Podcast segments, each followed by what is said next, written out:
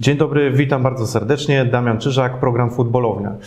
Od razu uprzedzę, że kanał Futbolownia jest wolny od polityki, e, ale mój gość jest tutaj nieprzypadkowo i mam nadzieję, że opowie Wam co nieco, dlaczego e, jest zaproszony do kanału, kanału Futbolownia, ponieważ ja też troszeczkę zrobiłem mały research i sprawdziłem, jak bardzo, e, jak bardzo jest tutaj związany przede wszystkim z piłką nożną, ale wiadomo, ze sportem również. Prezydent 95 rok, 2005, Aleksander Kwaśniewski, witam bardzo serdecznie. Witam serdecznie. Jest mi niezmiernie miło. I od razu pierwsze pytanie, ponieważ y, z politykami bywa tak, że zdarza się, że lubią się ogrzać troszeczkę w blasku sportowców i ich sukcesów. Ale z panem to tak nie do końca wcale, bo pan jest pasjonatem sportu. Nie, nie, ze mną jest dokładnie na odwrót, dlatego że e, świat sportu wprowadził mnie i moją młodszą siostrę nasz tata, który był lekarzem, ale w czasie studiów w Poznaniu był także sędzią piłkarskim. Niższych lig, co prawda, ale był wielkim fanem sportu, piłki nożnej i Lecha Poznań. I z Lechem było tak, że on potrafił nas, jak małe dzieciaki, wozić do Poznania. Jeszcze mieszkaliśmy w Białogardzie, na stadion w Dębcu. To jest ten, gdzie lokomotywa jeździła dookoła, bo tory były na, na szczycie tej, tych trybun. No i te lokomotywy stawały, jak Lech strzelił bramkę, to, to, pamiętam, bo dla dziecka było pewno to gwizdanie przez lokomotywy ciekawsze niż same mecze. No ale, ale jak mówię, ten bakcyl sportu był u nas bardzo silnie e, zainfekowany. E, I to jedno. Po drugie, sam uprawiałem sport. Co prawda nie piłkę nożną, ale lekkoatletykę w okresie szkolnym i studenckim. Biegałem sprinty 100-200 metrów bez większych sukcesów, no ale wiem, co to znaczy uprawiać sport. E, przygoda moja z lekkoatletyką skończyła się tym, że graliśmy w piłkę. Nasz trener bardzo nie lubił tego, jak lekkoatleci grają w piłkę nożną i ponieważ byłem szybki, więc zazwyczaj grałem na skrzydle. No i wtedy ktoś, e, że tak powiem, wszedł nakładką, poszła, poszedł staw skokowy, no i później było trudno wrócić do tego biegania sprinterskiego. No a później byłem ministrem sportu, byłem szefem Komitetu Olimpijskiego w końcówce lat 80., czyli w przełomie lat 80. i 90., więc y, moje zainteresowanie sportem y, nigdy nie było takie okazjonalne. Nigdy nie było tak, że chodziłem na mecze, żeby ktoś mnie tam sfotografował czy przywitał, y, a dlatego, że mnie to po prostu interesowało, fascynowało i tak może już na mecze chodzę mniej, szczególnie w Polsce, bo straciłem bardzo dużo sympatii do do polskiej ligowej piłki, to panu później powiem dlaczego. Też będę to pytał. Ale, ale tak, jak są ciekawe zawody, to staram się obejrzeć to czy w telewizji, czy, czy być obecnym. Hmm. Taki mały przeryw, przerywnik, pytanie przerywnik w zasadzie, yy, trochę podchwytliwe może, bo ciekawy jestem Pana odpowiedzi. Yy, gdyby Pan miał trzy życia, to jakby Pan je przeżył? Trzy równoległe, czy... Trzy życia, do, tak, życie po życiu, jak w takiej grze można powiedzieć. Wie pan, po pierwsze, y, y, ja nie mogę w ogóle czegokolwiek żałować, bo moje życie jest wyjątkowo spełnione, więc tak, jakbym, jakbym miał jeszcze raz je zaczynać od nowa, to, to brzmiałoby to pewno nieszczerze, gdybym mówił, że coś bardzo chciałbym zmienić. Ale wie pan, gdybym mógł y, zacząć jeszcze raz, to pewno chciałbym wcześniej zacząć jeździć na nartach ponieważ ja swoją karierę narciarską zacząłem mając lat ponad 40 z hakiem, nawet 45 i to się stało moją pasją zimową. Kocham jeździć na nartach, kocham góry, być w tych miejscowościach. E, pewno chciałbym lepiej grać e, w tenisa. Pewno chciałbym się nauczyć, bo mówię w kilku językach całkiem biegle. E, angielski, niemiecki, rosyjski, ale chciałbym jeszcze może po francusku, po hiszpańsku. Teraz pewno by się warto było uczyć chińskiego. E, e, niczego bym nie zmienił w życiu rodzinnym, bo wyszło mi to znakomicie. W polityce, wie pan, też bym niczego nie zmienił, bo zostać prezydentem Polski to w końcu nie takie nic, to, to wielki sukces. Także to nie, trochę było podchwytliwe nie, moje nie pytanie. Nie chciałbym zmieniać tych rzeczy. Wie pan, czemu Zadowolony jestem z tego, który mam. Wie pan, czemu zapytałem? Bo tak y, często bywa, że... Chciałem podpytać, czy po prostu pan prezydent był niespełnionym sportowcem, bo wielu młodych chłopców ma jakieś takie marzenie zostać sportowcem wielkim, oglądając później właśnie tych wybitnych, prawda? I pytanie... No tak, tylko nie ma pan racji, tylko z moim sportem było tak, że ja biegałem, jak mówię, na 100-200 metrów. To, to były lata 60., końcówka 60., 70., już wtedy było wiadomo, że to nie jest sport dla wspaniałych ludzi, no, że, że, że, nie, że, że tu trzeba mieć inne parametry mięśniowe, inne parametry fizyczne. No i tak w gruncie rzeczy trochę traciłem z- zaangażowanie do, do tego typu yy, sportu. Natomiast na pewno gdybym zaczął wcześniej grać w tenisa i dobrze by mi szło, to może takie marzenie miałbym, ale, ale nie, to, to, to nie jest. yy, Znaczy, bycie złotym medalistą olimpijskim to jest coś, co niezwykle cenię. I w ogóle mam ogromny szacunek do wszystkich złotych medalistów, ale to nie jest koniecznie marzenie, z którym sypiam. Pan prezydent wybaczy, że będę nawiązywał mocno do piłki, bo nie ukrywam kanał typowo piłkarski, ale będę tutaj wyciągał te, te typowo wątki piłkarskie.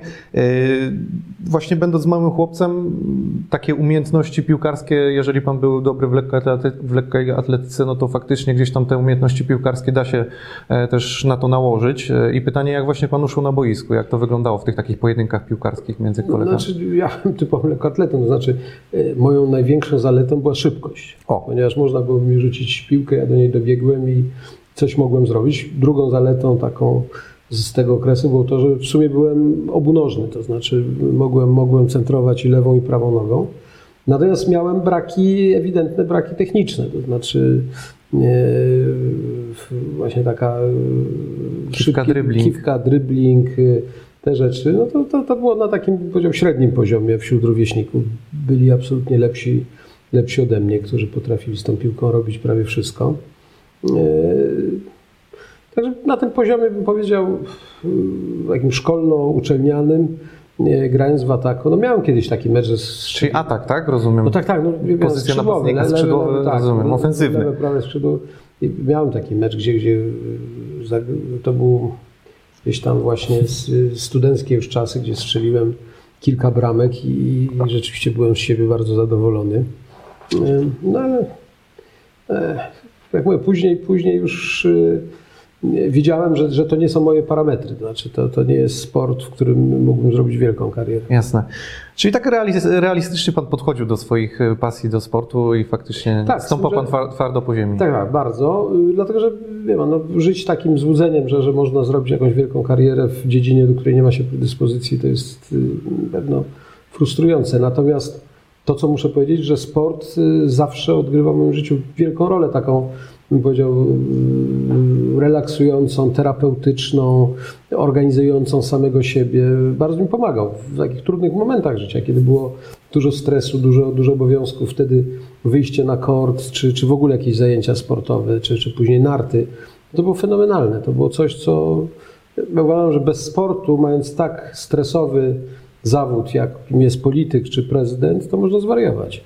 Także wszystkich bardzo zachęcam do. Nie byłem politykiem ani prezydentem, ale podpisuję się, że faktycznie Tak. sport w każdej dziedzinie sprawdza się świetnie. Jeszcze ważne jest to, żeby wybierać te sporty, które bardzo mm, jakby tak odświeżają psychicznie. To znaczy, właśnie piłka nożna jest dobra. No jak grasz, no masz mm, współgraczy, musisz wiedzieć, co chcesz robić. To samo tenis, musisz się koncentrować na piłce, narty, no musisz się koncentrować na tym stoku, po którym jedziesz. I w tym sensie one najlepiej nas y, y, psychicznie odprężają. No Dużo lepiej niż na przykład jogging, gdzie po iluś minutach człowiek już zaczyna tym biec Mhm. rytmem i, i wszystko, ten film w głowie mu się zaczyna, że tak powiem, kręcić. No a już nie moje pływanie. No, pływanie to jest w pewnym momencie, że za- musisz pływając od ściany do ściany zacząć o czym myśleć, bo inaczej zwariować można. A sztuki walki na przykład? Co pan Walki sądzi też, też, nie, bardzo wysoko cenię. No, sztuki walki to jest to samo. Po pierwsze, sztuki walki są niedoceniane także w systemie treningowym w Polsce jako y, nauka koordynacji. Y, na przykład Karolina Woźniacki, znam ją osobiście i rodziców znam. Y, ona w pewnym momencie była jedną z zawodniczek najlepiej poruszających się po korcie i mówi, zawdzięczała to treningowi bokserskiemu. Ponieważ trening bokserski w ogóle Tak, tak, no, no, niezwykle pomaga w koordynacji, bo to jest połączenie wszystkiego w gruncie rzeczy. Jasne.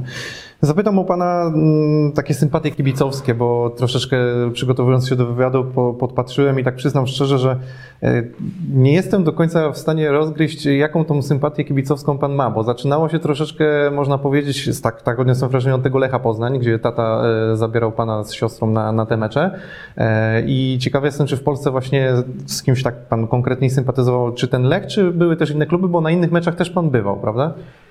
Ja, jeśli chodzi o polską piłkę, to były takie trzy, z różnych zresztą powodów y, zainteresowania. No, y, to, to takie y, dziecinno-młodzieńcze to Lech Poznań, e, ze względu na tatę i, i, i to, że on do końca życia był kibicem Lecha. Być kibicem Lecha to nie jest łatwa sprawa, to pan wie. Tak, tak. W dowolnym okresie. No, Teraz jest trochę lepiej, bo już nie ma problemu, że spadają z pierwszej ligi, ale to trudna drużyna do kochania, powiem szczerze. A jest kochana bardzo, to ma, ma swoich wiernych kibiców. Taka opinia na czasie, bardzo powiem szczerze. No tak, tak, no dokładnie. Jak obserwuję Lecha, to jest ciągle ten sam problem. E, Później fascynacją naszą już lata 70., kiedy ja jestem na studiach, no jest oczywiście Górnik Zabrze. Tu były, Polska była podzielona na Górnika Zabrze i Legię Warszawa, Warszawa, tak. ale jeszcze bardziej uważam ten wybór u ludzi takich nie, nie ze Śląska czy nie z Warszawy, no bo oni to z zrozumiałych względów kibicowali, ale ja studiowałem na Uniwersytecie Gdańskim, to wśród nas, kolegów, którzy kibicowali, to był raczej taki podział na zwolenników Włodka Lubańskiego i Kazimierza Dejny. Aha, piłkarze. Piłkarze, tak. Jedni byli, byli fanami Kazia, to, to Legia, jak Włodka, to Górnik.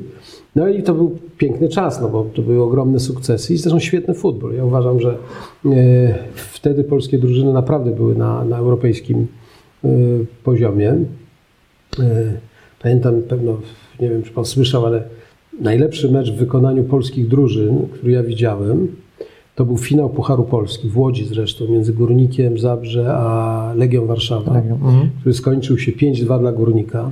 Cztery bramki strzelił Lubański. jedną Był pan na nim, tak? Nie, nie, Aha, oglądałem okej, gdzieś tam rozumiem. w telewizji, czy gdzieś nawet nie potrafię powiedzieć, który to rok, ale to jest początek lat 70. I to jest, a dwie bramki dla Legii strzelił Robert Gadocha wtedy. Ale wie pan, obejrzeć taki mecz z, z takimi wyrafinowanymi akcjami pod względem e, piłkarskim, to było coś pięknego. Więc Później był Górnik, no później przeniosłem się, ja się przeprowadziłem do Warszawy z Gdańska w roku 80, przełom 80-81. No i później już chodziłem na Legię, no, dlatego że no, po pierwsze to było, ale też na Gwardię parę razy zajrzałem, jak grała jeszcze w pierwszej lidze Racławickiej, natomiast y, to było już takie oglądanie na spokojnie. Znaczy, Rekreacyjne. nie, to, to nie rekreacyjne, takie fachowe. No. Patrzyłem, patrzyłem co się, co się dzieje i tak dalej, więc y, y, i mówię, mo- moje, moja jakby sympatia do, do polskiej piłki nożnej, ona zgasła tak silnie, nie do końca na szczęście, ale zgasła silnie wraz z, tą, z tymi aferami korupcyjnymi. Okej. Dlatego, że wie pan, no, jak człowiek był na iluś meczach, a po latach się okazywał, że te mecze były ustawione, to tak miałeś wrażenie, że ktoś cię zrobił, no powiem delikatnie, w konia. No. No właśnie, a jak pan tak y, dzisiaj pana odczucia, no bo z, można powiedzieć, za pana prezydenckiej kadencji ta, ta afera gdzieś tam powiedzmy była, Michał Listkiewicz też się z nią zmagał, zresztą ja z nim rozmawiałem, wielokrotnie opowiadał o tym, jak pan na to patrzył, tak jako będąc oczywiście oddzielnym, oddzielną e, jakby tutaj funkcja prezydenta nie wiązała się w ogóle z PZPN-em czy z piłką nożną, ale tak patrząc na to właśnie z boku i widzi pan ten, nie wiem, brzydko nazywając bałagan i, i co, co, co pan myślał o tym wtedy? Chyba myślałem jak najgorzej, dlatego, znaczy, po pierwsze, ponieważ ja cenię Michała Listkiewicza, do dzisiaj utrzymuję kontakty, y, wydawało mi się, że o, tak patrząc z daleka, no bo nie byłem w środku tych wydarzeń, że Listkiewicz powinien być rękojmią tego, że do takich rzeczy dochodzić nie może, dlatego że on był sędzią. Czyli on to środowisko znał. No to jak znasz środowisko, to wiesz, kto jest y, ok, a kto jest bardziej lepki w takich różnych sytuacjach i tak dalej. Więc y, dla mnie bolesne było to, że to się zdarzyło za prezesowania y, Michała Listkiewicza. Po drugie, no, długi czas uważałem, że jego opinie, że coś jest przesadzone i tak dalej, są, są chyba prawdziwe, no bo kto jak kto, on się powinien na tym znać. No a później się okazało, że to ten, ten system, y, bo to system był stworzony przez fryzjera i Tak, tak, przez dokładnie. wzgląd, że, że on jednak działał i on mógł oczywiście e, być poza, poza kontrolą prezesa, no ale generalnie, jak mówię, no, zburzyło to zaufanie do, do, do, do, ligi, do Polskiego Związku Piłki Nożnej, no, do sędziów, piłkarzy. Ym, Ktoś może powiedzieć, że nie byliśmy ani, ani pierwsi, ani ostatni.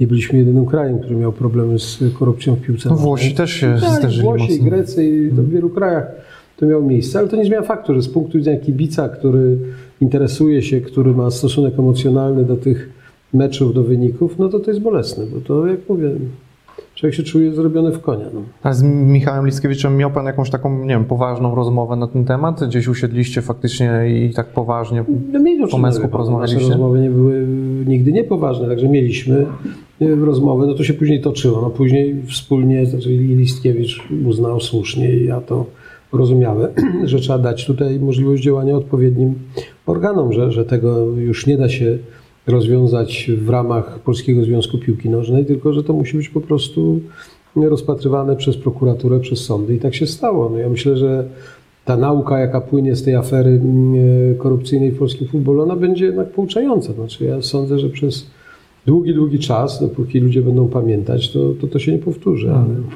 ale straty poniesione są stratami.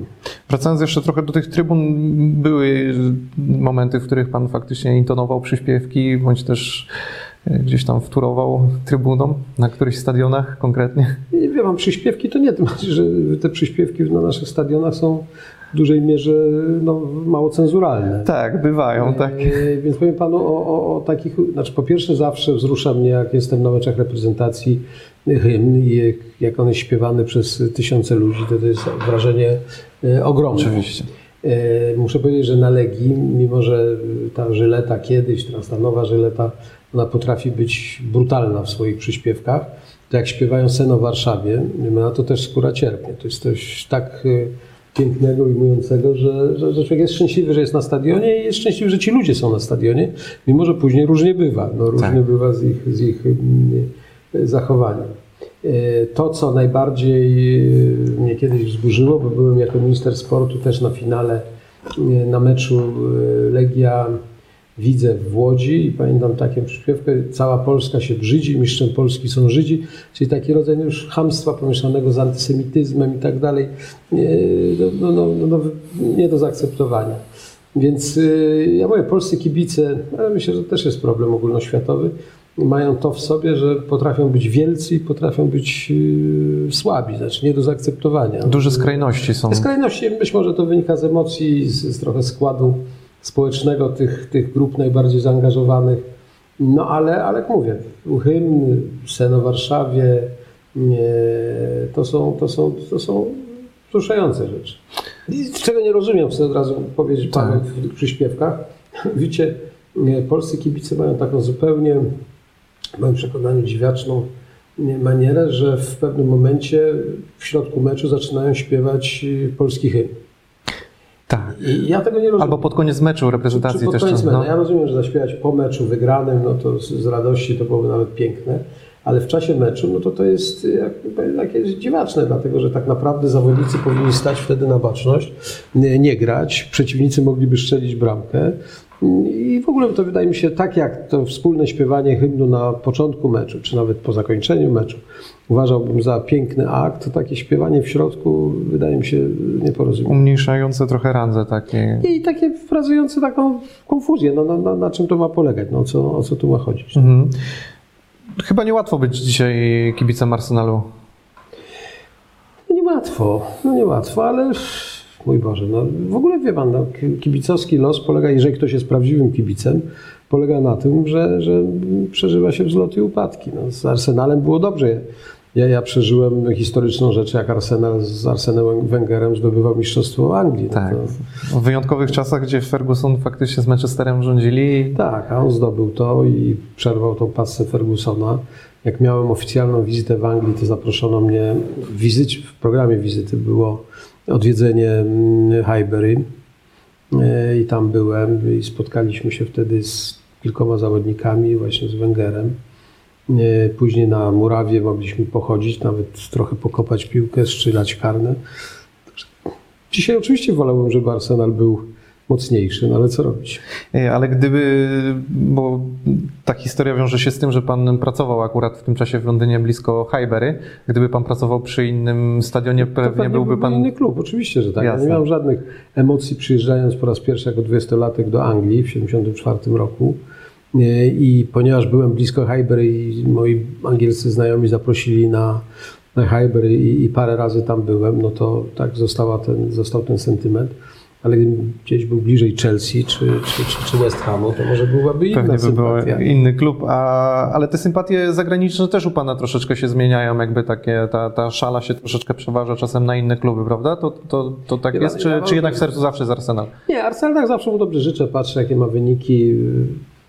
Skłamałbym, że oglądam regularnie ligę Mm. angielską ze względu na Arsenal.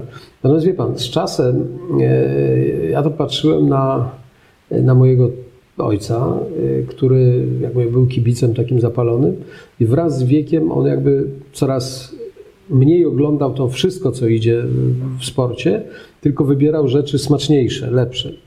E, Ja się dziwiłem, jak, jak tak można, e, ale po latach stwierdzam, że to jest dokładnie taki proces. Ja mam to samo. Znaczy, wie pan, że dzisiaj jak miałbym oglądać jakiś słaby mecz, to mi się po prostu nie chce tego robić.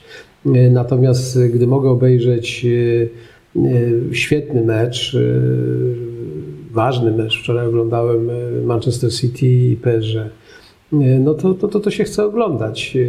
To może wynika z tego, że starzejąc się wiemy, że mamy mniej czasu, że nie można go tak marnotrawić i trzeba wybierać te rodzynki, wybierać to, co, co smaczniejsze. Ale wybór też jest teraz bardzo duży. Za pana jest czasów nie miał ogromny, pan w ogóle możliwości wybór- obejrzenia Wybór jest meczu. ogromny i w gruncie rzeczy, gdyby ktoś chciał spędzać czas przed telewizorem tylko oglądając sport, Tak. to można to robić. Ale, ale właśnie z tego względu, że później ważna była jakość, no to towarzyszyłem tym takim fenomenom e, piłkarskim. E, e, był okres Liverpoolu, kiedy bardzo tam im kibicowałem, bo, bo byli świetną drużyną. Zresztą zdobyli Ligę Mistrzów. Był fenomenalny Manchester United, właśnie z Fergusonem, który jest taką postacią zupełnie inną niż, niż e, trenerzy. Później byłem zachwycony i absolutnie uważam, że to, był, to była najlepsza piłka, jaką widziałem w swoim życiu. To był e, Barcelona Guardioli. O, uważałem, że jak, jak się oglądało Barcelonę, to to nie tyle był sport, co to było dzieło sztuki, to co oni robili e, wtedy. No, dzisiaj też Barcelona ma swoje kłopoty. Yy, Wczoraj miałem nadzieję, że może zaczyna się jakaś epoka właśnie no, ale boję się, że nie, że tam jednak jest za dużo jakichś wewnętrznych kłopotów, może za dużo pieniędzy, może nie wiem co. Yy, No ale bardzo ciekawie gra Manchester City, choć, choć to nie jest tak artystyczny futbol, jak kiedyś grała Barcelona czy nawet Manchester United. Więc chyba tak raczej w tej chwili ze względu na wiek, na brak czasu, tak krążę po szczytach futbolu niż Ogląda pan jak teatr, jak piękne... Piękne wydarzenie, wiedząc o co chodzi. To znaczy, Jasne. mogę, mogę, mogę docenić kto co umie, jak, jak y, trenerzy tą taktykę ustawiają. Y, Tym bardziej, że w ogóle trzeba powiedzieć, że futbol y, zrobił ogromny postęp. Czy wie pan, no, dzisiaj jak patrzy się na przygotowanie fizyczne zawodników, mentalne, jak się patrzy na te wszystkie pomysły taktyczne, no to między futbolem dzisiejszym a tym, który był 34 40 lat temu jest, jest przepaść. Mhm. Choć uważam, że tamci zawodnicy w sensie talentu, gdyby byli przeniesieni, jak pan mówi, do drugiego czy trzeciego życia, to daliby sobie radę dzisiaj. Oczywiście mieliby zupełnie inną wydolność, ale talent zostaje ciągle jakby inną sprawą. Talenty takich ludzi jak, jak Dejna, jak Lubański, e, Klato w jakimś też e, sensie, to one by rozkwitły dzisiaj, gdyby, gdyby tych ludzi odmłodzić i przenieść do współczesnego futbolu. Pytałem o takie sympatie klubowe, Tak. zapytam teraz o sympatie już takie indywidualne, bo tutaj rozmawialiśmy też o, o, o jakby pięknych piłkarskich meczach, ogląda Pan te zagraniczne kluby, to trochę podpytam o piłkarza obecnie no, wybitnego e, i przede wszystkim jest Polakiem. Najlepszy piłkarz na świecie praktycznie można powiedzieć, Robert Lewandowski. No, przypuszczam, że każdego Polaka przepełnia duma, ale Pan, pan ma jakieś osobiście, osobiste jakieś zdanie, opinię w tym temacie? Że, wie pan, Robert Lewandowski ma w tej chwili pozycję z, pośród nas wyjątkową, bo on jest rozpoznawany wszędzie na świecie. Ja byłem w różnych miejscach, gdzieś tak odległych, jakaś tam Azja Centralna czy, czy Karaiby i tak dalej i Lewandowski znaczy wiele. Kiedyś to był papież, yy, Zbysiu Boniek yy, też miał taką, yy, taką pozycję. E, W tej chwili to jest Robert Lewandowski. Była Agnieszka Radwańska, e, teraz mam nadzieję, że Iga Świątek, jak powalczy dłuższy czas, będzie miał taką pozycję, ale my takich nazwisk mamy bardzo, bardzo niewiele, więc Lewandowski jest tutaj absolutnie takim uosobieniem, można powiedzieć, Polski. Na co ważne, jest wspaniałym zawodnikiem i, i odnosi sukcesy. Ja, ja Lewandowskiego y, doceniłem i zrozumiałem, że on zrobi wielką karierę, powiem panu kiedy, nie? Dlatego w Lechu już dobrze grał, później poszedł do Borussii Dortmund, też dobrze grał. Ale kilka miesięcy dosłownie po wyjeździe do Dortmundu ja oglądałem wywiad telewizji niemieckiej z Lewandowskim. I on oczywiście wtedy kaleczył ten niemiecki, ja mówię po niemiecku, więc mogłem to ocenić. On kaleczył ten niemiecki, ale mówił. Po kilku miesiącach zaledwie. U, Jeżeli ten człowiek rozumie, że częścią jego profesjonalnej kariery jest nauczyć się języka, mówić w tym języku, komunikować się, to on zrobi. W nim jest po prostu y, głowa. On, on, on ma determinację i, on to zrobi. Y, Parę lat później był y, chyba Bild, taka, taka gazeta tabloidalna Tak, tak, nie, niemiecka niemiecka pisała, kto w Bayernie Monachium mówi najlepiej po niemiecku z piłkarzy. I okaza- poza Niemcami oczywiście. I okazało się, że dwóch. Że Lewandowski i Robben. Tylko, że Robben jest Holendrem, więc to jest jedna grupa językowa, czyli nauczenie się dla Holendra dobrze po niemiecku nie jest wielkim problemem. Dla Słowianina, jakim jest Lewandowski, to był duży problem. Ale, ale zrozumiałem wtedy, że, że on jest y, zdeterminowany, żeby karierę zrobić.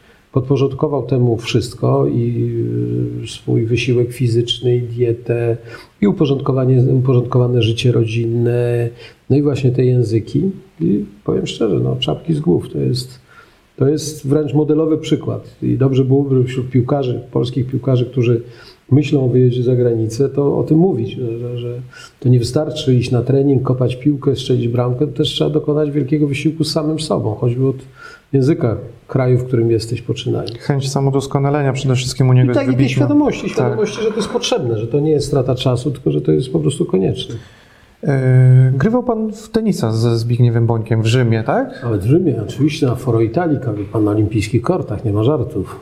Poważna sprawa. Poważna. To, to, to rozumiem, e, mieliście takie relacje już po karierze jego, gdzie mogliście sobie, że tak No powiem, tak, on mieszkał w Rzymie, ja przyjechałem z oficjalną wizytą, ponieważ wtedy starałem się, żeby właśnie nie oszaleć od tej samej polityki, żeby zagrać rano.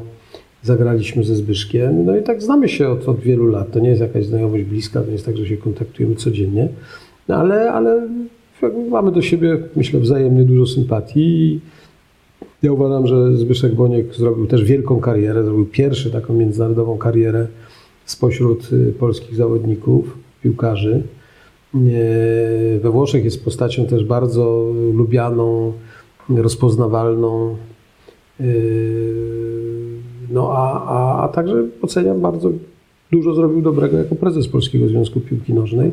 A teraz dobrze, że został wybrany wiceprezesem UEFA, bo, bo w nim jest to, co europejska czy w ogóle piłka nożna potrzebuje. W nim jest przebojowość, zadziorność, taka szczerość, nawet jeżeli się komuś to nie podoba w, w, wypowiadaniu swoich, swoich poglądów, no i znajomość rzeczy, no bo w końcu ten człowiek z piłką nożną jest związany całe życie. No Właśnie niedawno robiłem wywiad właśnie też z prezesem Bońkiem i tak zastanawiałem się właśnie, jak wasze relacje wyglądały, bo prezes Boniek e, no, czasem lubi tak, że tak powiem, szpileczkę małą wbić.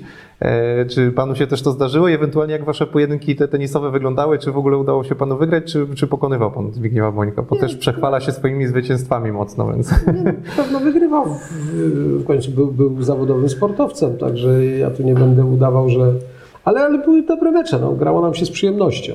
Grałeś, graliśmy debla też, także yy, było, było, było fajnie. Natomiast yy, nie, nie, no ze Zbyszkiem trzeba wiedzieć, że właśnie on jest szczery, więc potrafi być momentami taki uszczypliwy, złośliwy, ale yy, to- nie jest. yy, To wynika z, nie wynika z chęci komuś dokuczenia, tylko z takiej właśnie cechy charakteru, że, że, że, że, on taki, yy, taki jest. Więc nie, nie oceniam Jasne. te relacje jako Pozytywnie bardzo. pozytywne. A ci piłkarscy idole właśnie, jakich piłkarskich idoli pan miał, powiedzmy, będąc młodym chłopakiem i czy dzisiaj podziwia pan jeszcze, no już mówiliśmy o Lewandowskim, ale jeszcze jakichś piłkarzy, tak jakbyśmy mieli wymienić Wiem. dawnych i Ja obecnych. zaraz panu powiem. No, mój idolami naszej młodości byli yy, Włodek Lubański, Lubański. yy, Kazimierz Dejna, Grzegorz Lato, yy, Janek Tomaszewski. No, no bo oni, wie pan, zrobili coś, co, czego pana pokolenie na razie nie przeżyło. Ży- Życzę, żebyście przeżyli. No, polska piłka, która no, była, była, była, no, zaczęło się od sukcesów ligowych. Górnik w finale pucharów zdobywców y, pucharów, Legia w półfinale y, z Feyenoordem y, ówczesnej Ligi Mistrzów, czyli Tak, Puchar Europy. Pucharu Europy. No i nagle w 72 roku Monachium złoty medal, w 74 me- w, w Niemczech trzecie miejsce na Mistrzostwach Świata i prawdopodobnie graliśmy wtedy najlepszą piłkę razem z Holendrami. I takim najlepszym finałem, który mógłby być, to Polska-Holandia, Polska z, z, z, i, i Holandia z Cruyffem. Nie, no ale przegraliśmy ten mecz na wodzie, który biorąc pod uwagę styl polskiej drużyny był no, bardzo trudny do wygrania, bo zabrał nam naj, najważniejszą, najważniejszy element. Trochę tak jak wczoraj PSG na tym śniegu z Manchesterem. No, jak robić dobrą techniczną piłkę, jak, jak ta piłka grzęźnie i nogi grzęzną. Tak. No w każdym razie, a później jeszcze srebrny medal w Montrealu. Więc to było nadzieje związane z kolejnym mundialem. Także to było, to było niesamowite i ci bohaterowie, ja mogę wymieniać skład drużyny do dzisiaj, właściwie wszyscy mają jakieś miejsce e, w naszym e, sercu.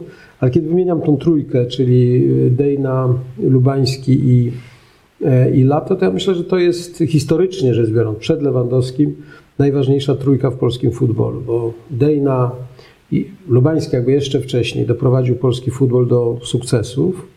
Dejna odniósł te największe sukcesy, bo był i przy, przy, tych wszystkich medalach. A Grzesiu Lato jest y, jedynym polskim piłkarzem, który był na kolejnych mundialach i był mistrzem, był królem strzelców Mistrza Świata. Zdobył tych medali. Zdobył dwa medale Mistrza Świata i dwa medale olimpijskie. No tak, tak. Takiego piłkarza nie było, więc ta trójka to była największa trójka historycznie. A później była posłucha, no a teraz mamy na szczęście Lewandowskiego. Byłoby dobrze mieć jakiś sukces w związku z tym na Mistrzostwach Europy, no i wejść do Mistrzostw Świata, ale może być ciężko. A jeszcze jacyś właśnie zawodnicy, których pan tak, y, którzy podobają się panu ich sposób grania, czy, czy w ogóle, Kiedyś, czy których pan podziwia teraz, tak obecnie, te czasy, nie wiem, ostatnia dekada. Chyba ostatnia dekada, no to w, w Polsce, ja mówię, my mamy... Nie, Mogą być też zagraniczni, oczywiście, tu nie daje, daje no, pole do zagra- popisu. za- Zagraniczni to jest łatwiej powiedzieć, ponieważ jest, jest ich więcej. Ja uważam, że e, szczęściem współczesnym przez ostatnie lata to jest to, że możemy oglądać takich zawodników jak Messi i Ronaldo. Mhm. Znaczy w moim przekonaniu Messi to jest jeden z trzech najwybitniejszych piłkarzy, jakich ja oglądałem na własne oczy w życiu. Oczywiście głównie telewizyjnie. Uważam, ta trójka, bo to, wie pan, wybitnych piłkarzy jest trochę, nie za dużo, ale są tacy obdarzeni jeszcze jakimś darem od Pana Boga. Tak. I było trzech, których ja widziałem. To był Pele, to był Maradona, to jest Messi. To oni trochę są jak Mozart. Przychodzi siedmioletni Mozart, bierze tam klawesyn czy skrzypce, czy co tam i gra tak, że nikt inny nie może tak zagrać. Natomiast jest niesamowicie y, duża grupa tych wybitnych.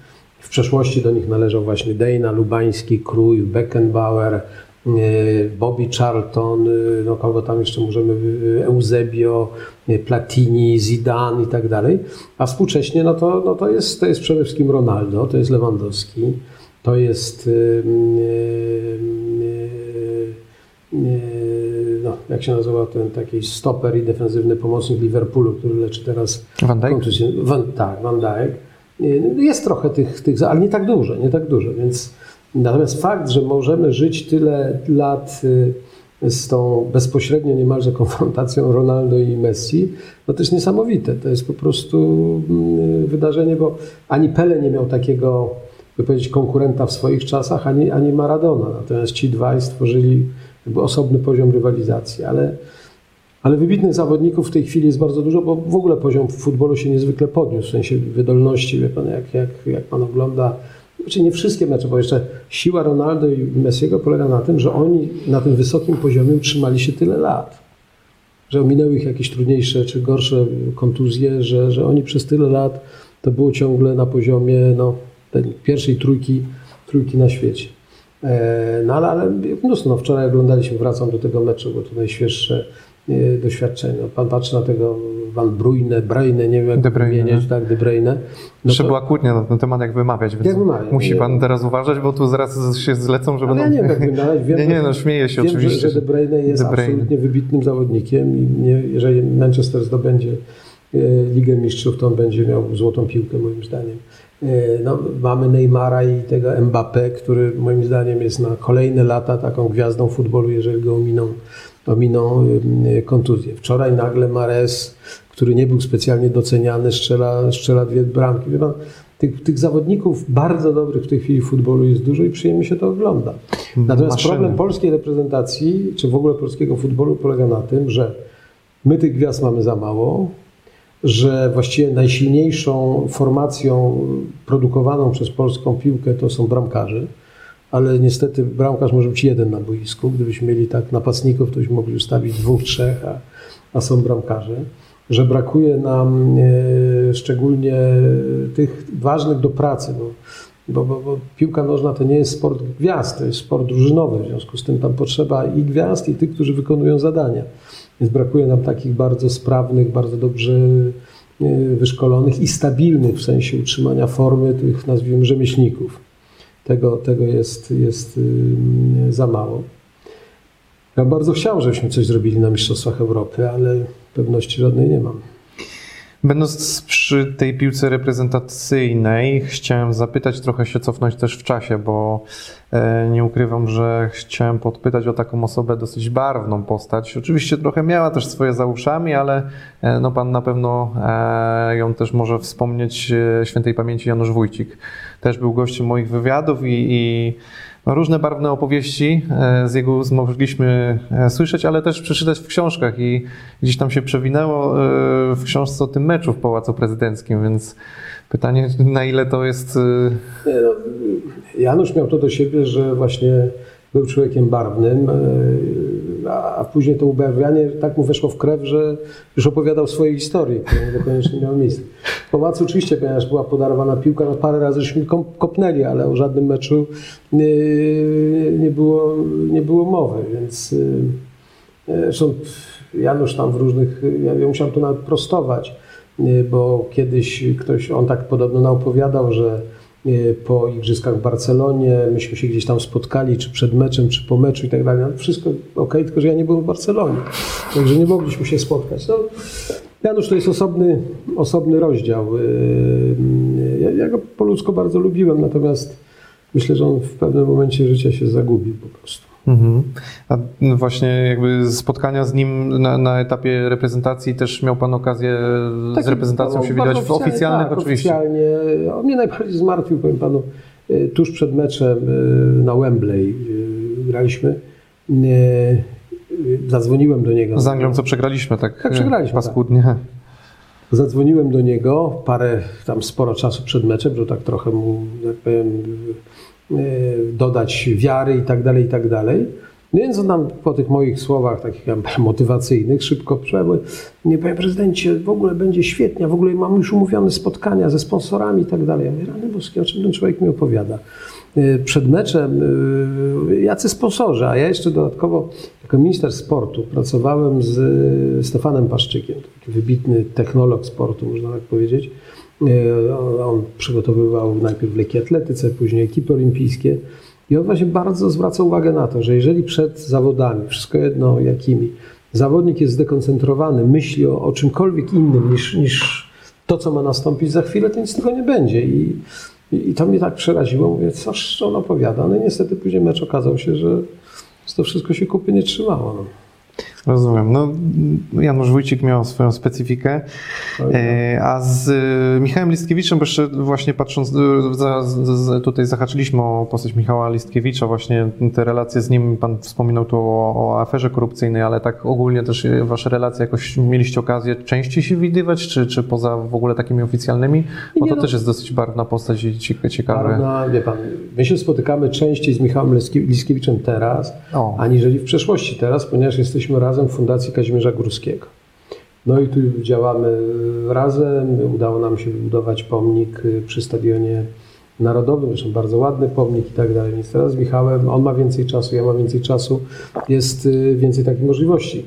No, proszę pamiętać, że jak się jest prezydentem, to ta piłka nożna chociaż jest ważna, ale naprawdę nie jest najważniejsza. To jest jakiś tam margines, więc spotykaliśmy się raczej przy takich okazjach oficjalnych, kiedy no, walczyliśmy wtedy też y, o Mistrzostwa Europy wspólnie z Ukraińcami, więc to też Właśnie był też temat, o to chciałem zapytać. temat bo, do spotkań. Bo to też Pan napoczął, prawda? Ten, tak, ten, to się ten zaczęło, temat właśnie. Tak, za nami. List intencyjny tak, pierwszy. Tak, tak, list intencyjny, rozmowy z Ukraińcami, z Surkisem, tam chodziło wszystko o to, żeby no jakoś to wszystko zebrać do kupy. No i się udało, to już później przypadło na kolejną kadencję. A ta geneza, to, to wszystko od kogo wyszło ten pomysł cały właśnie? Od Ukraińców. Od, od Ukraińców. Tak, I co, oni zgłosili się do Pana? Jak to wyglądało nie, na tamtym etapie? Do Liskiewicza. Do Liskiewicza. bo myśmy... Co Pan o tym pomyślał wtedy? Myślę, że to jest bardzo dobry pomysł. jest bardzo dobry pomysł, dlatego że y, y, Ukraińcy dlaczego? Bo Surkis był w komitecie wykonawczym, czyli mniej więcej na tej pozycji, na której przed wyborem na wiceprezesa był Zbyszek Boniek. I wtedy on zaczął rozmawiać i pomysł, żeby zrobić to wspólnie, był ciekawy, no bo dwa duże kraje z tradycją piłkarską, bo to jest ważne, żeby robić takie mistrzostwa w krajach, gdzie ludzie lubią chodzić na mecze, no, Tak. znają się na tym. Y, To jest jedno, a dwa, że oba kraje na dorobku, więc to też dla nas było ważne, że można wykorzystać, y, to tak politycznie już patrząc na to, że można wykorzystać taki turniej jako sposób promocji, jako sposób też y, zorganizowania inwestycji, drogi, stadiony i tak. Także ja byłem bardzo za tym. Jak najbardziej. No, te mistrzostwa może w, po piłkarsku nam nie wyszły, ale jednak jako kraj naprawdę zyskaliśmy na tym bardzo nie wyszły. Co pan mówi, że nie wyszły? To była tragedia. No. Y, Gospodarz nie ma prawa y, tak grać i tak odpadać, bo nawet nie o to chodzi. Wie pan. No, jako człowiek sportu wiem, że można przegrać, tylko chodzi o to, żeby po przegranym meczu powiedzieć, no, no zrobiłem wszystko, no, trafiłem na lepszego. A myśmy zagrali trzy mecze, w którym właściwie nigdy 100% swoich możliwości nie pokazaliśmy. No pokazaliśmy jeszcze jakieś zupełne szaleństwa, jak w pierwszym meczu z Grecją, czy, e, czy, czy zupełnie oddaliśmy ostatni mecz, byłem we Wrocławiu na tym meczu, siedzieliśmy z Wałęsą, oglądaliśmy tragedię, jeszcze w przerwie przychodzi, do przerwy było 0-0 z Czechami, pamięta pan? Tak, tak, Przychodzi, oczywiście. przychodzi były premier Krzysztof Bielecki i mówi, słuchajcie, będzie 3-0, będzie 3-0. No, było 0-1, także do dzisiaj doceniam jego optymizm niesamowity. Także nie, pod względem piłkarskim to była katastrofa, nazwijmy to wprost, a pod względem e, takim, e, jak powiem, państwowym czy, czy infrastrukturalnym wielki sukces. No, ja akurat byłem tu w Warszawie na meczu otwarcia, to naprawdę, no, patrząc na te tłumy, to, to widowisko, to całe wydarzenie To sportowe, stadion, impreza, no, to, to, wie niesamowite. pan, ja- sporo gości przyjechało z zagranicy, to nie ma żadnej wątpliwości, że wtedy Stadion Narodowy w Warszawie to był jeden z najlepszych w Europie, z tym zasuwanym dachem, który nie zawsze zasuwaliśmy, ale to też inna sprawa. Natomiast y, do dzisiaj uważam, to jest jeden z najlepszych stadionów w Europie. Ale tak samo te stadiony, co powstały. No, w Gdańsku będziemy mieli finał Ligi Europy, Wrocław Tak. jest pięknym stadionem. Mhm. Także zrobiliśmy. Dodać do tego trzeba jeszcze dobrą piłkę, bo stadiony już są, kibice w niektórych miejscach też są, trzeba jeszcze dodać wysoką jakość futbolu. To będąc przy dużych imprezach, e, nie sposób nie zapytać o Mistrzostwa Świata 2002 rok, w których miał Pan okazję uczestniczyć jako prezydent. E, Pojechał Pan obejrzeć to wszystko z bliska i no niestety też dobrych wspomnień nie ma z tej imprezy. No i nie ukrywając, e, przyznam, że oczekiwania pewnie miał Pan spore co do, co do tego wydarzenia, jak i cały kraj zresztą. Nie, no, oczywiście, że oczekiwania były spore, co prawda nie tak ambitne, jak Jerzy Engel mówił, że jedziemy po złoto, bo ja akurat wiem mniej więcej, jaka jest y, jakość i o co możemy walczyć, ale wyjście z grupy, no to było osiągalne. Y, I pojechałem na mecz otwarcia do Pusan. Siedziałem cały mecz przy, z prezydentem Korei Południowej, który w ogóle nie miał pojęcia o piłce nożnej, w dodatku nie mówił żadnym poza koreańskim językiem, więc nie mogłem mu wytłumaczyć nic, więc y, jak już w pewnym momencie doproszono do nas tłumacza, y, to akurat Koreańczycy strzelili bramkę z offside'u. Ta bramka nie została uznana, cała publiczność się cieszyła, on też. Bramki nie ma, no i on mnie pyta, co się stało. No ja musiałem po polsku, żeby ten przetłumaczył tłumacz po koreańsku, wytłumaczyć, na czym polega offside. Duża, duża, du, duże wyzwanie, muszę powiedzieć. E, No ale przegraliśmy mecz i to też przegraliśmy tak mecz moim zdaniem no, w sposób, tym bardziej wie pan, no ja jeszcze patrzę na to, ten mecz otwarcia jest oglądany przez mnóstwo ludzi na świecie, bo No to jest tak. początek, czyli no, możliwość zaprezentowania się, pokazania, ja nie mówię wygrania, przegrania, bo to jest sport, ale pokazania się, że, że, że, że jest to drużyna z jakąś klasą i tak dalej, powinna być wykorzystana. Natomiast no, no nie, no przegraliśmy ten mecz po prostu słabo. Bez właściwie zagrożenia bramki, bramki koreańskiej. Wszedłem po meczu do szatni. O właśnie. I co? No nic, patrzyłem, no wyglądała, wie pan, jak armia pobita pod, pod bitwą, na bitwie jakieś e, głowy spuszczone, smutek, Engel coś do nich perorujący i tak dalej. No co miałem powiedzieć? No, podziękowałem, powiedziałem, że no, mogę ich pocieszyć o tyle, że stosunków Polski z Koreą Południową nie zepsuli, no bo przegrali mecz, Koreańczycy są szczęśliwi, taki myślę był żart, który do nich nie dotarł. E, tak trochę przez łzy, ale, ale to były nieudane mistrzostwa, tak naprawdę. Yy, bo tak patrząc na, na to, wchodząc do szatni, to od razu się przypomina Andrzej Duda, który wchodzi do szatni Polaków po awansie i, i gdzieś tam w rytm muzyki e, no, miał okazję gratulować. No, pan przed mistrzostwami też mógł gratulować tego awansu, może No nie medali. gratulowaliśmy i telefonicznie i tak dalej. Wie pan, Ja w ogóle uważam, że mm, e, e, politycy, to zaczęliśmy tą rozmowę. Tak, właśnie. Powinni w stosunku do sportu zachowywać się z szacunkiem, czyli nie próbować e, sportu instrumentalizować, wykorzystywać na swoją korzyść i tak dalej, bo, e, bo, bo to i ani im nie pomoże, a sportowcom zaszkodzi. Czyli ten szacunek moim zdaniem powinien polegać tak. Przed meczem w ogóle nie wchodzimy do szatni. Znaczy z zawodnikami można rozmawiać w czasie, nie wiem, zgrupowania, przyjechać na ostatni dzień zgrupowania. Ja to robiłem na przykład z siatkarzami, siatkarkami, był w Szczyrku i tak dalej, pogadać, bo to nawet dla nich jest trochę e, ciekawe, to jest element odprężenia. No, nie są w tym reżimie treningowym, spotkają jakąś inną twarz, można czego, a w dodatku no, chce im się pomóc, więc mówisz, że dobrze, no walczcie i tak dalej, i tak dalej. Natomiast później już ten tak zwany bezpośredni okres przedstartowy, ten, ten moment, kiedy no, oni muszą być skoncentrowani, wtedy jest trener, wtedy są tam wszyscy, którzy pomagają ekipie szkoleniowej, fizjoterapeuci i tak dalej, i tak. I po meczu oczywiście sytuacja jest y, zawsze trudna, bo najpierw trzeba im pozwolić pobyć razem, bo pierwsze emocje powinny być bez świadków. To jak, czy przegrają, czy wygrają. No jak przegrają, to ileś brzydkich wyrazów powinno paść, zanim przyjdzie prezydent, czy premier, czy ktoś. I, jakaś radość również taka z przyśpiewkami, które niekoniecznie muszą być najpiękniejsze, też powinna być im dana. A po jakimś czasie, jak już to tam oni, że tak powiem, panują, te pierwsze emocje wpadają, to wtedy może być krótka wizyta polityka, który powie tak, gratuluję, albo tak, no cóż, nie wyszło i tak dalej, i tak dalej.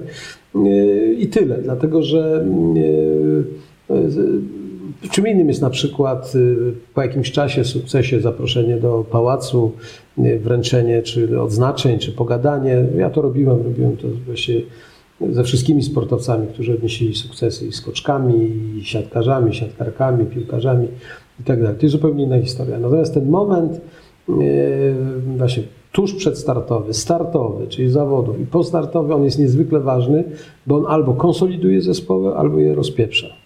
Yy, I tu jakby politycy powinni się trzymać jak najdalej od tego, bo, bo to są niezwykle wrażliwe momenty i emocje ogromne. No, to są wszystko przecież, nawet jeżeli na mecz z Koreą nie wyszedł, to ja będę ostatni, który powie, że zawodnicy nie wykazali ambicji, czy nie chcieli tego meczu wygrać. No, złożyły się jakieś inne czynniki, no coś, coś, coś nie wyszło. No, nawet jeżeli do Haiti mamy pretensje o faul na Pauliście, tak, w późniejszym meczu. Paulecie, Paulecie. Paulecie, no, na Tak, Paulecie w meczu z Portugalią, no to też przecież on nie robił tego, że chciał zamordować człowieka, tylko no, przesadził z ambicjami, przesadził w ocenie swoich możliwości. Wydawało mu się, że tego Pauletę zatrzyma, nie zatrzymał. No trudno wyobrazić sobie prezydenta, który wchodzi w takich żołnierskich słowach, wyraża się na temat gry piłkarzy. No to by No, było... nie, ale i to byłby błąd, dlatego że oni muszą to przeżyć Tak, sami, no. bo to przeżycie, że tak powiem, w ich gronie jest dużo bardziej wartościowe niż nawet gdyby tam przyszła grupa dziennikarzy i zaczęła ich rozliczać, czy ktokolwiek. Budowanie zespołu, myślę, że to umie Guardiola, to, to, to najlepsi trenerzy umieją to robić, doskonale wiedzą, jak to się robi. Na przykład jest część trenerów, która też od razu nie wchodzi do szatni e, po przegranym e, meczu. Daje im się tam, że- żeby ta woda trochę wykipiała, żeby, żeby oni sobie powiedzieli coś, coś nawzajem, bo tam też są wzajemne pretensje i tak dalej. Także w ogóle powiem panu krótko, że jak patrzę na, na e, byłem politykiem, to też nie jest łatwy zawód, ale myślę, że gorszym zawodem od polityka to jest bycie trenerem sportowym. Dlatego, że jak pan buduje drużynę, a później stanie przy tej linii i nic już od pana nie zależy tak naprawdę, wszystko się toczy albo lepiej, albo gorzej. Może pan dokonać jedną, drugą zmianę. Przecież zabawne jest to pokrzykiwanie trenerów za linii do piłkarzy, bo oni tego w ogóle nie słyszą, albo jak słyszą, to w ogóle nie wiadomo, co z tego mogą zrozumieć. No ale, ale to jest takie jego poczucie uczestnictwa, więc nie, to jest trudny zawód. To jest bardzo trudny zawód, bo, bo to jest gra na niezwykle dużej ilości bardzo różnych instrumentów. Tym bardziej, że niektórzy trenerzy są byłymi piłkarzami i te emocje... To jest akurat dobre, bo ja uważam, że, że w ogóle mam swoją teorię na temat trenerów. E, Patrząc, mogę udowadniać to, że najlepszymi trenerami byli zawodnicy, którzy nie odnieśli wielkich sukcesów, a byli na tyle inteligentni, że potrafili to przeanalizować. Takim wybitnym trenerem polskim bokserskim dawne czasy był Felix Sztam. Nigdy większych sukcesów, genialny trener. Takim trenerem był Henryk Łasak w kolarstwie. To samo. Zero sukcesów, wielkie sukcesy w kolarstwie. Druży- z jego drużyną. Takim trenerem był Hubert Wagner. Też niewielkie sukcesy jako zawodnik i ogromne sukcesy jako, jako trener. Oczywiście dzisiaj jest trochę przykładów y, dużo innych. No, w może nie była najwybitniejsza czy największa gwiazda Barcelony, no, ale to jednak był im No, medalista olimpijski, piłkarz, Liga Mistrzów i tak dalej. Więc teraz trochę to jak może poprzeczka się podniosła.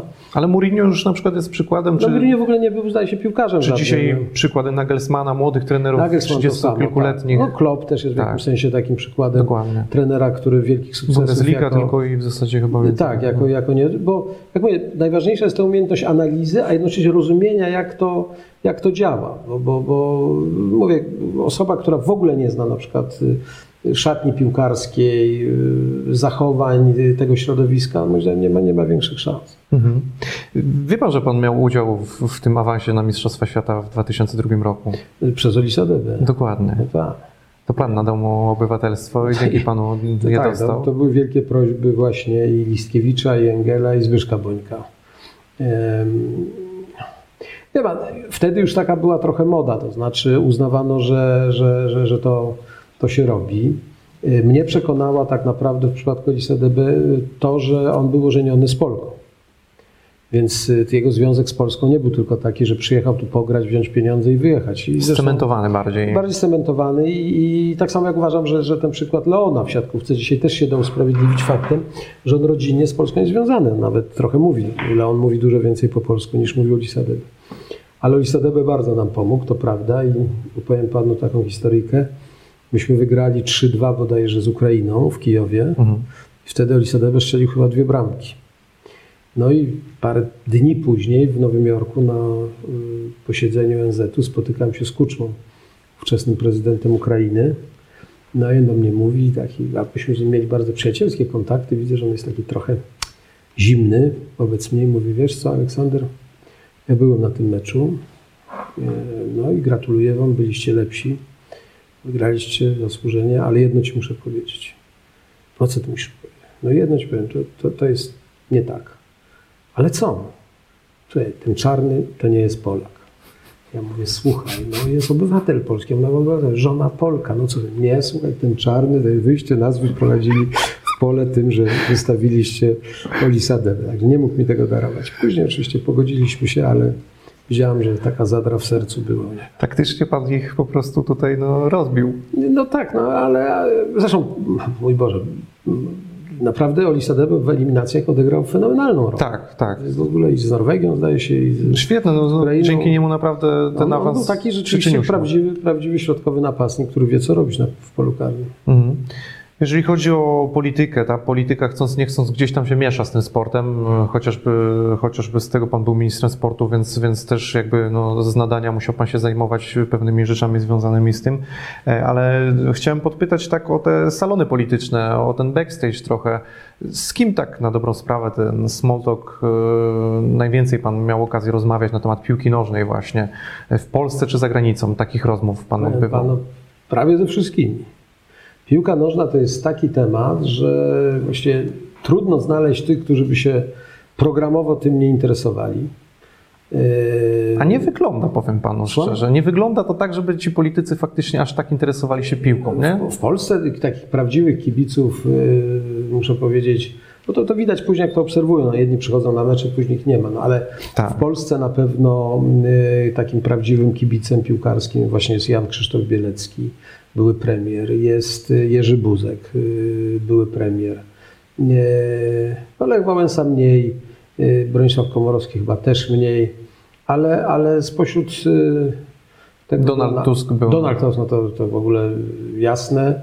Józef Oleksy przecież przez jakiś czas y, był y, niemalże prezesem Polonii Warszawa i współpracował z, z Wojciechowskim y, w tym okresie, kiedy on był właścicielem klubu. Także Tak. y, trochę takich. y, A na, na scenie międzynarodowej to panu powiem, poza Amerykanami, którzy o piłce nożnej mają żadne pojęcie, bo oni są bardziej zainteresowani koszykówką, baseballem, tym futbolem amerykańskim, tenisem, e, to z europejskimi, właśnie jedynym takim tematem sportowym, który można by porównywać z piłką nożną, to jest tenis, bo bardzo wielu jakoś tam w tego tenisa lepiej, gorzej grał.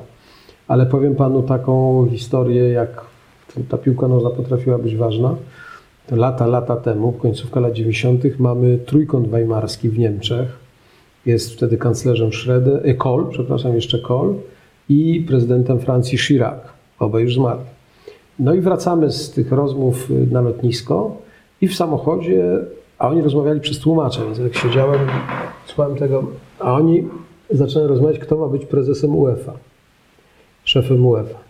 Ponieważ Kohl zdecydowanie jest za tym, żeby ponownie wybrać Johanssona, który też zresztą już zdążył umrzeć, Szweda, a, Plati, a yy, Chirac jest bardzo za Platini.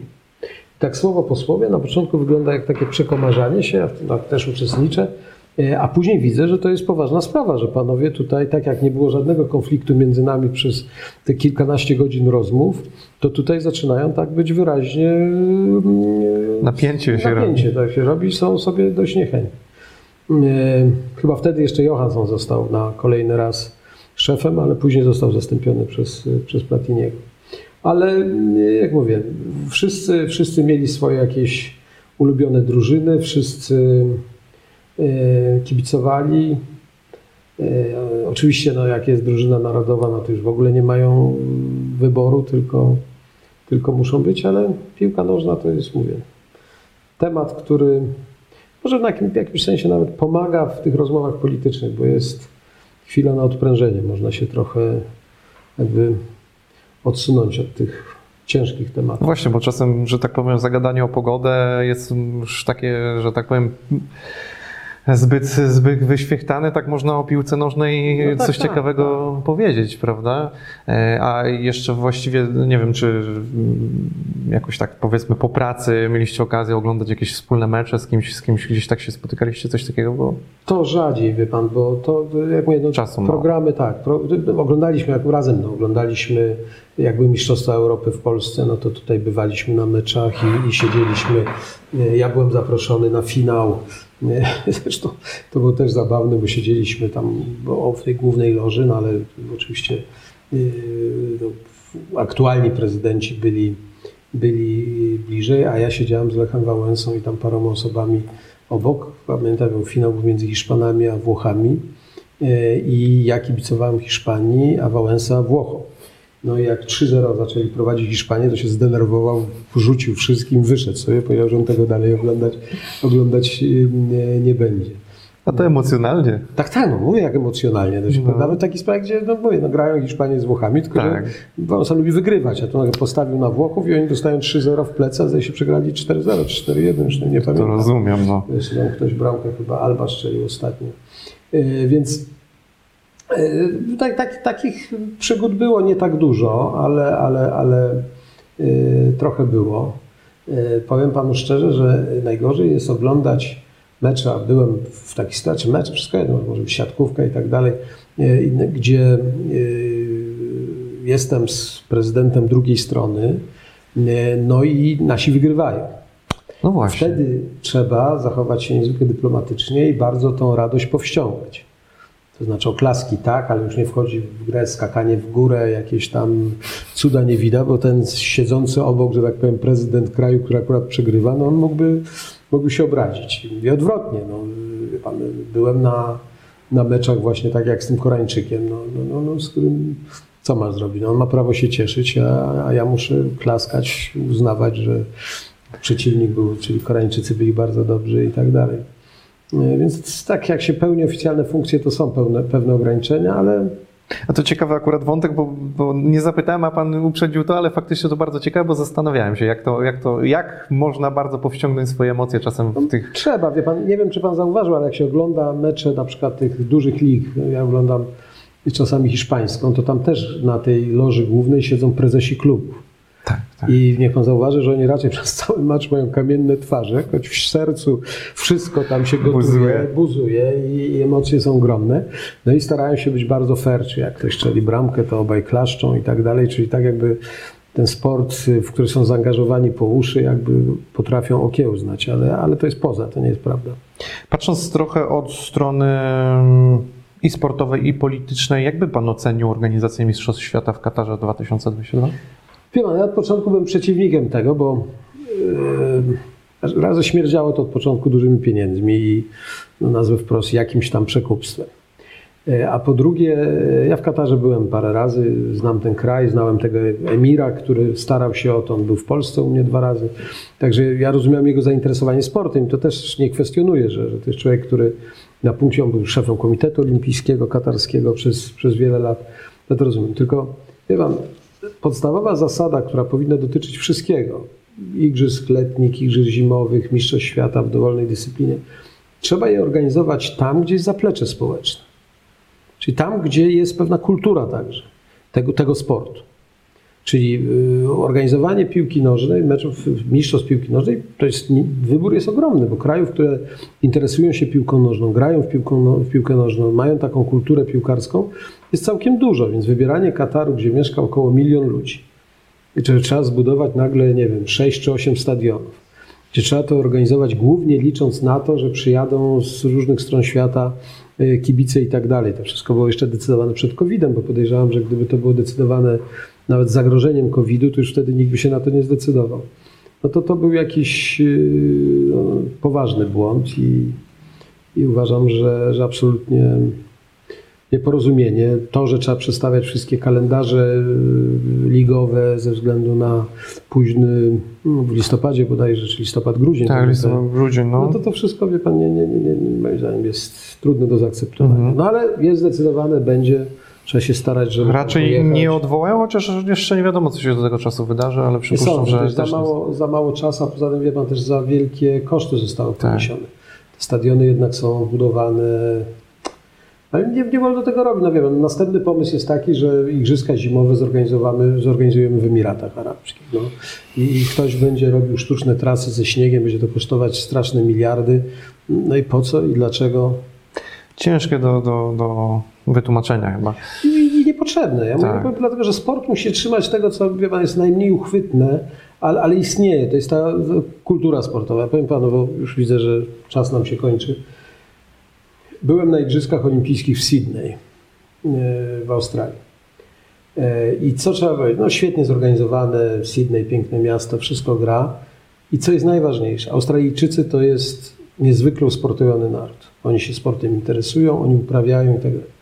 I na mnie wrażenie kolosalne zrobiło to, jak w tym parku olimpijskim, idę, a ja tam miałem wejście na wszystko, i na jednym takim stadionie, który mieści nie więcej niż 10 tysięcy ludzi, odbywa się eliminacyjny mecz w, w, w hokeju na trawie między Ganą i Argentyną.